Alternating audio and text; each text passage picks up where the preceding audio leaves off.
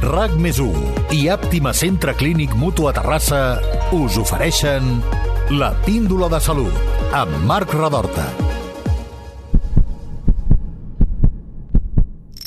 La majoria de lesions d'esportistes es poden prevenir.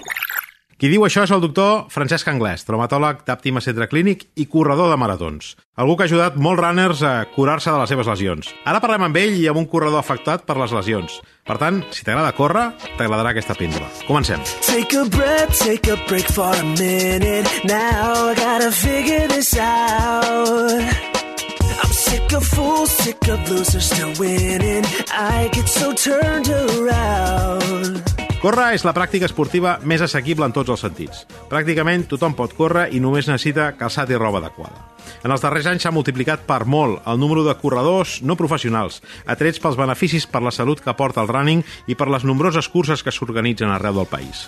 De fet, el fenomen és global. A aquestes alçades tots coneixem algú que ha participat en una cursa organitzada en alguna capital mundial. És el que es coneix com a turisme runner. Però els corredors i corredores no professionals no tenen l'assessorament necessari per prevenir i tractar les lesions més habituals.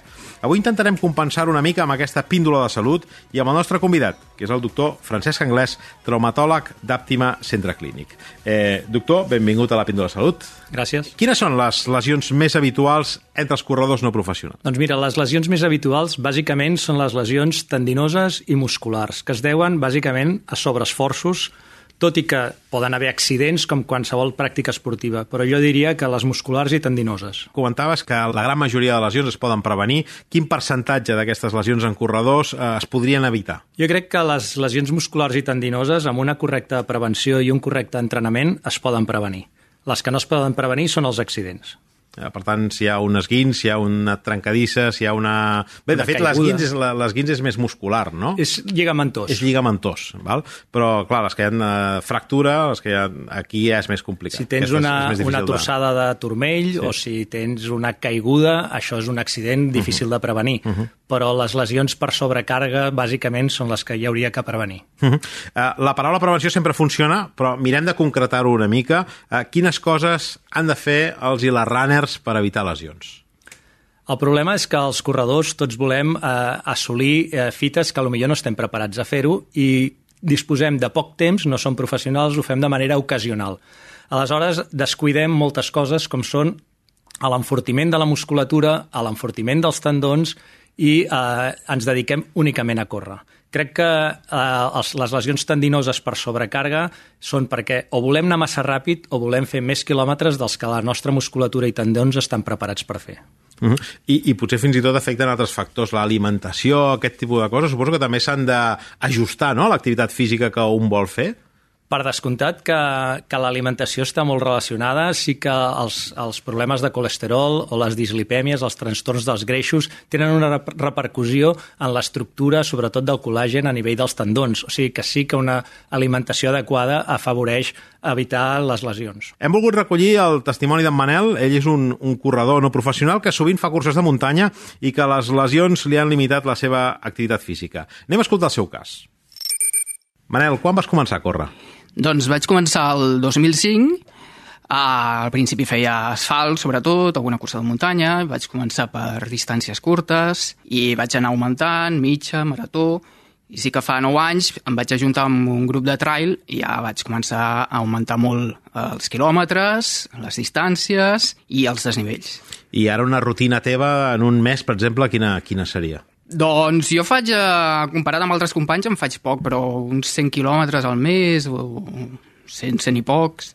Normalment 3 o 4 dies d'entrenament, també depèn de l'època, de si tinc alguna cursa en ment, això. Intento combinar també, eh, quan puc, amb una mica de bici o gimnàs per treballar altres zones. Val, Quin tipus d'entrenament fas? Doncs això, sobretot a córrer per muntanya i de tant en tant eh, combino, quan puc, amb una mica de BTT i, i gimnàs també. Uh -huh. En aquest temps, eh, ja fa molts anys que corres, has tingut problemes físics importants? A veure, els típics, eh, típiques sobrecàrregues, a quadríceps i els bessons, i sí que el 2016, arran d'uns... En pocs mesos vaig fer moltes bogeries de quilòmetres i desnivells, se'm va produir una lesió important, que en diuen el síndrome del compartimental, eh, que ve a ser com una... És una inflamació que se m'ha quedat crònica entre el sol i el bessó, I això el que provocava és que quan començava a entrenar eh, se m'anava carregant la zona cada cop més, cada cop més, fins que arribava a un punt que no, que no podia seguir, havia de parar perquè anava coix. Has comentat que aquesta lesió eh, se t'ha cronificat, que se t'ha convertit en crònica. No es mm. pot curar? No hi ha un tractament possible per aquesta lesió? A veure, des de que se'm va començar a reproduir, vaig estar com un, mes, ai, un any i mig que se m'anava reproduint, un cop a una cama, després a l'altra, quan em recuperava, tornava a l'altra, i en tot aquest període vaig estar provant diferents fisioterapeutes, podòlegs, fins que vaig acabar amb un especialista de medicina de l'esport, que em va diagnosticar el que tenia, i em va donar dues solucions, o passar per quiròfan, que no em garantia al 100% la recuperació, o aprendre a conviure amb el dolor. I com has reorientat la teva mm, activitat esportiva d'ençà d'aquest diagnòstic i d'aquesta lesió?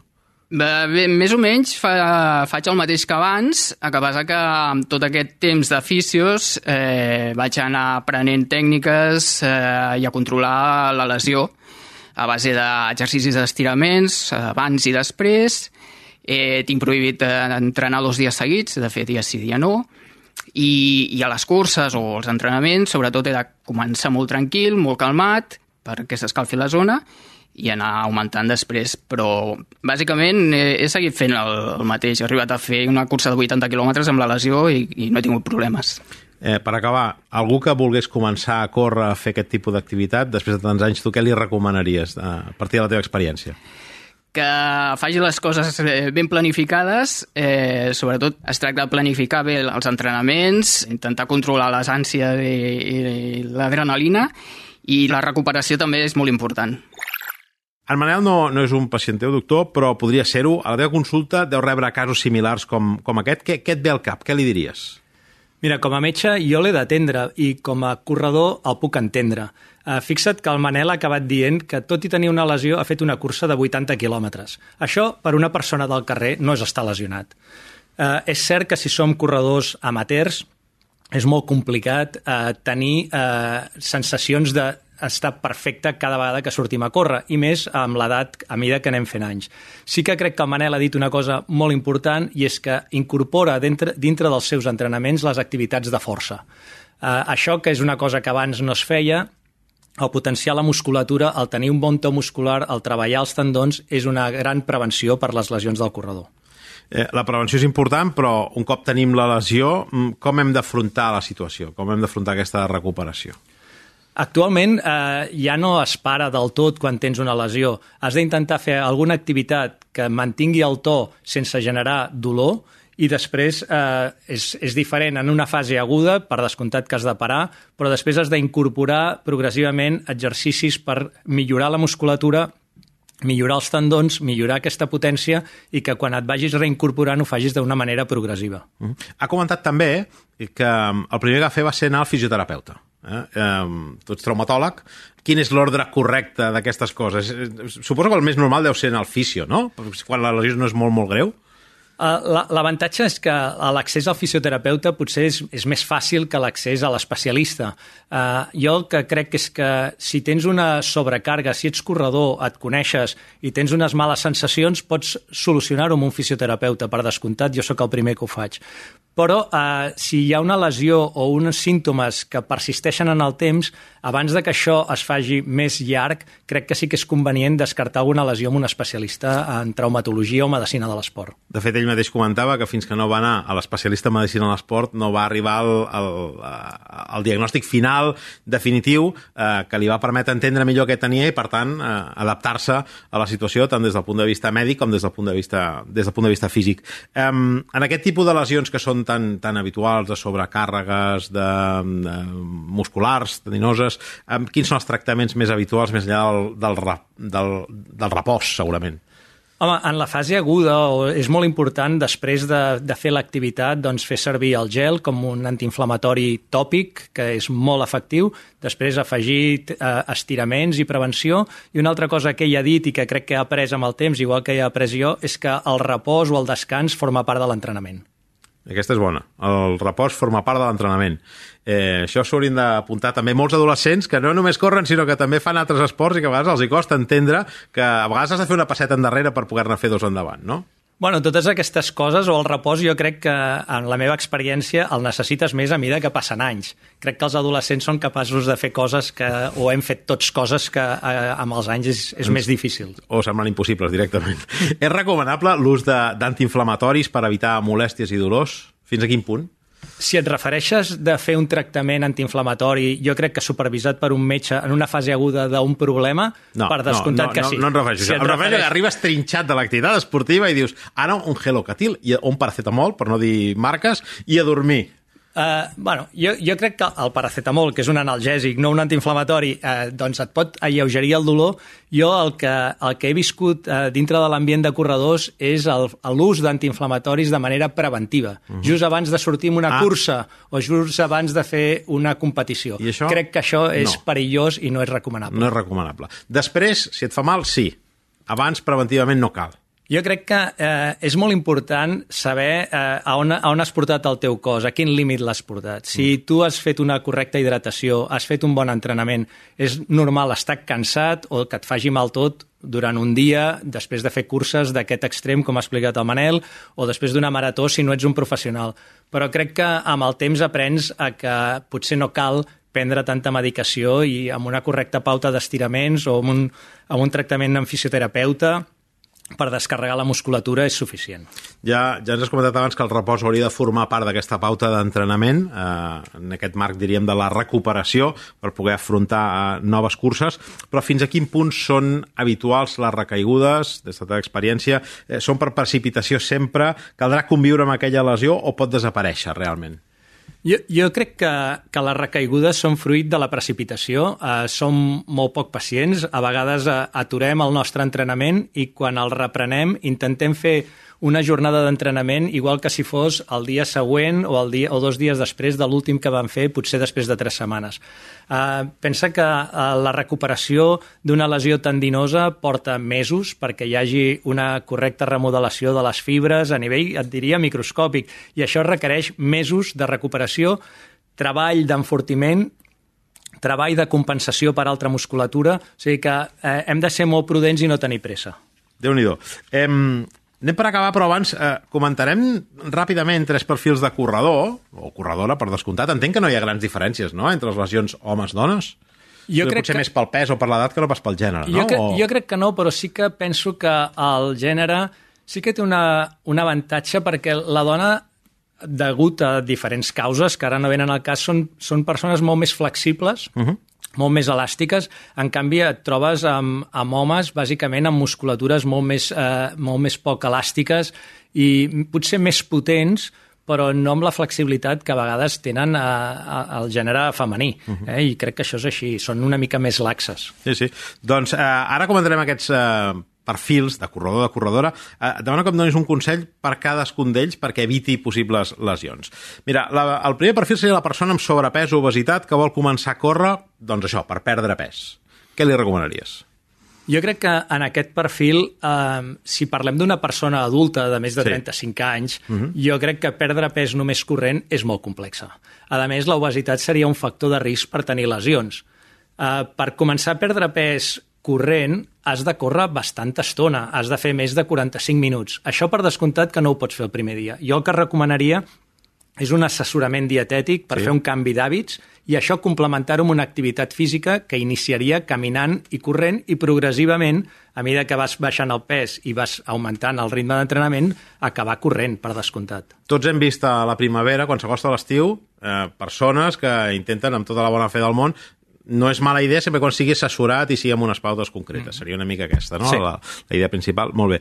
Eh, anem pel segon perfil. Persona que torna a córrer després d'una lesió de llarga durada. Eh? Imaginem que ha estat, no sé, mig any, un any aturada. Aquesta persona, per una lesió, la que sigui, com ha d'afrontar aquest retorn als entrenaments i, i potser a la competició no professional? Jo crec que una lesió de llarga durada, si parlem de, de quasi bé un any, eh, jo no m'imagino un esportista amb una lesió que no pugui fer alguna altra activitat complementària. A lo millor no corres, però has fet bicicleta, a lo millor has pogut fer una altra cosa.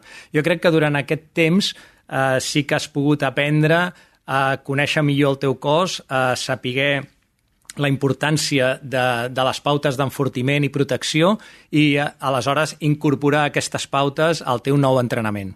Eh, no tornar a córrer com, com eh, ho feies abans de, de lesionar-te. O sigui, sobretot tenir paciència i començar de zero. Uh -huh. I anem per l'últim anem per l'últim perfil, que seria la persona que corre per la ciutat sobre asfalt, diguem-ho així, i que vol fer el salt al trail, a les curses de muntanya, com va fer el Manel en el seu moment. Bueno, jo, jo també he fet eh, aquesta combinació i crec que, que córrer per la natura és, és preciós, per descomptat que és una cosa diferent. Jo crec que el primer és començar a córrer per la muntanya. Quan corres per la muntanya te n'adones que el terreny té una repercussió en el teu córrer. Quan tu corres per asfalt només has de córrer, no has d'anar mirant a terra, no ensopegaràs. Aquí sí, o sigui que aquí sí que hi ha un risc de caigudes o un risc de torçades de turmell, que és més alt que en el córrer per asfalt, però l'altre gran canvi és que jo, que per exemple he fet eh, maratons i, i mai he caminat amb una marató, doncs amb qualsevol cursa de muntanya hi ha punts que camines. O sigui que ah, al final amigo, el ritme no és sabíem, diferent. Això no ho sabíem, fan trampa. Bueno, potser el Manel, trampa. potser el Manel, el Manel no. és, de, és dels que no para, però eh, jo crec que sempre hi ha algun punt sí. que, que et permet caminar i el ritme és molt diferent. Uh -huh. uh, hi ha també l'efecte del desnivell, per descomptat. I no sé si també pot afectar això a l'esquena, és a dir, perquè estem parlant molt, centrant-nos molt en, en lesions, diríem, entenc que com de cames, no?, de tren inferior, però potser a l'esquena pot, pot, pot perjudicar-se, no?, bueno, amb, amb, amb, sobretot aquestes curses de muntanya amb molt desnivell o no? Jo, jo crec que una cosa és quan veiem córrer professionals que salten, eh, clar, aquests salts, aquests impactes, primer que el terreny és més tou que mm. un asfalt, però són, altre, són un altre perfil. Jo crec que tots aquests corredors, o per prevenir els dolors d'esquena, per descomptat, quan jo deia d'enfortir la musculatura no em referia a fer quàdriceps o fer bessons, sinó que em, re, em refereixo també a potenciar la musculatura abdominal, inclús tot el tren superior, perquè tot això és el que fa que els impactes i tot això tingui una menor repercussió a nivell de la columna. Doctor Francesc Anglès, traumatòleg d'Àptima Centre Clínic. Moltes gràcies per explicar-nos eh, com córrer sense prendre mal en aquesta píndola salut. Gràcies a vosaltres, salut i quilòmetres. La píndola en un minut. La gran majoria de lesions que pateixen els corredors no professionals són musculars i tendinoses i es poden prevenir amb una preparació i una alimentació adequada. La planificació, el descans, els entrenaments i la recuperació són elements clau per poder córrer i no patir lesions ni recaigudes posteriors. Quan les lesions persisteixen, és recomanable acudir a la consulta de l'especialista en traumatologia o medicina de l'esport abans que el fisioterapeuta. No és gens recomanable l'ús d'antiinflamatoris amb caràcter preventiu abans d'una cursa o d'un entrenament.